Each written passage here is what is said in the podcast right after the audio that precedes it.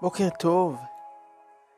בתחילת ספר שופטים מופיע סיפור קשה לעיכול.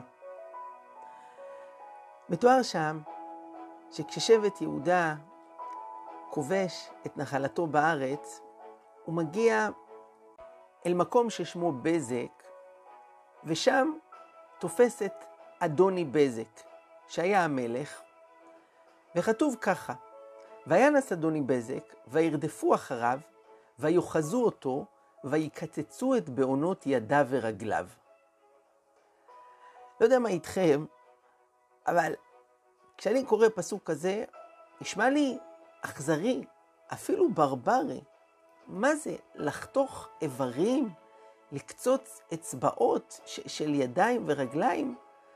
למה? מה פתאום יהודים מתנהגים בצורה כזאת? רוצים להרוג אותו, שיהרגו, אבל למה ההתעללות? זה לא מוסרי, זה מתאים לדאעש, מה יגיד האו"ם, מה יאמרו בתקשורת העולמית.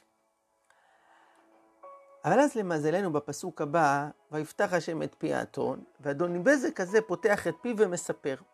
ויאמר אדוני בזק, שבעים מלכים, בעונות ידיהם ורגליהם מקוצצים, היו מלקטים תחת שולחני. כאשר עשיתי, כן שילם לי אלוהים. פתאום התברר מי הטיפוס שאיתו אנחנו מתעסקים. זה היה אדם שמעיד על עצמו שהיה 70 מלכים, שהוא כבש אותם, שלט עליהם, ולקח אותם למאסר אצלו, והם בעונות ידיהם ורגליהם מקוצצים, מלקטים תחת שולחנו.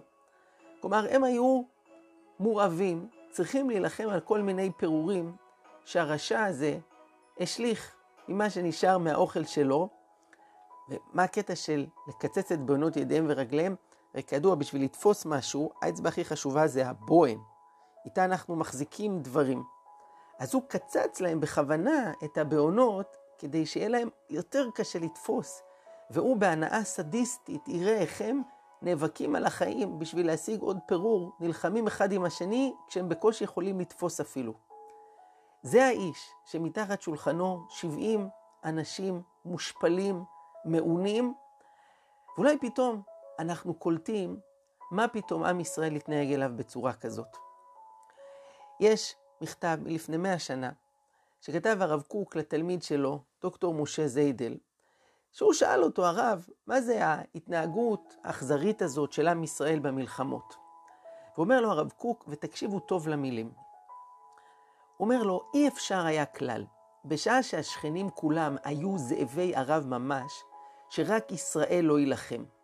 שאז היו מתקבצים ומכלים חס ושלום את שאריתם. ואדרבה, היה מוכרח מאוד להפיל פחד על הפראים גם על ידי הנהגות אכזריות. רק עם ציפייה להביא את האנושות למה שהיא צריכה להיות, אבל לא לדחוק את השעה.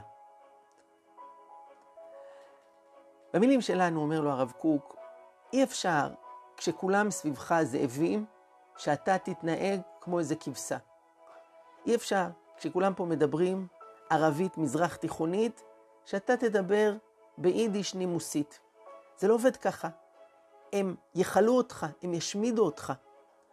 אם אתה רוצה לשרוד פה בין אותם זאבים, אתה צריך להראות להם שיש לך כוח, שיש לך עוצמה, להפיל פחד על הפראים על ידי הנהגות אכזריות. ככה זה הולך במזרח התיכון, למי שחפץ בחיים. ברור, יש לנו חזון להביא את האנושות למה שהיא צריכה להיות.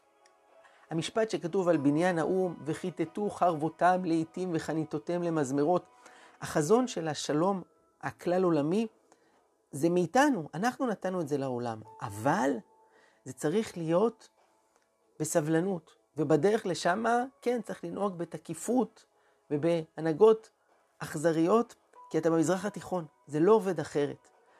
כל זה בא מתוך מניע של שלום ושל להביא טוב לעולם, אבל הדרך היא לצעוד לשם בנחישות, וזה הדבר המוסרי ביותר שיכול להיות. כך כתב הרב קוק לפני מאה שנה. כל מי שמוצא קשר בין זה לבין אירועי ימינו, עושה זאת על אחריותו בלבד. שיהיה לכם בוקר טוב, ובשורות טובות, ישועות ונחמות לכל עם ישראל.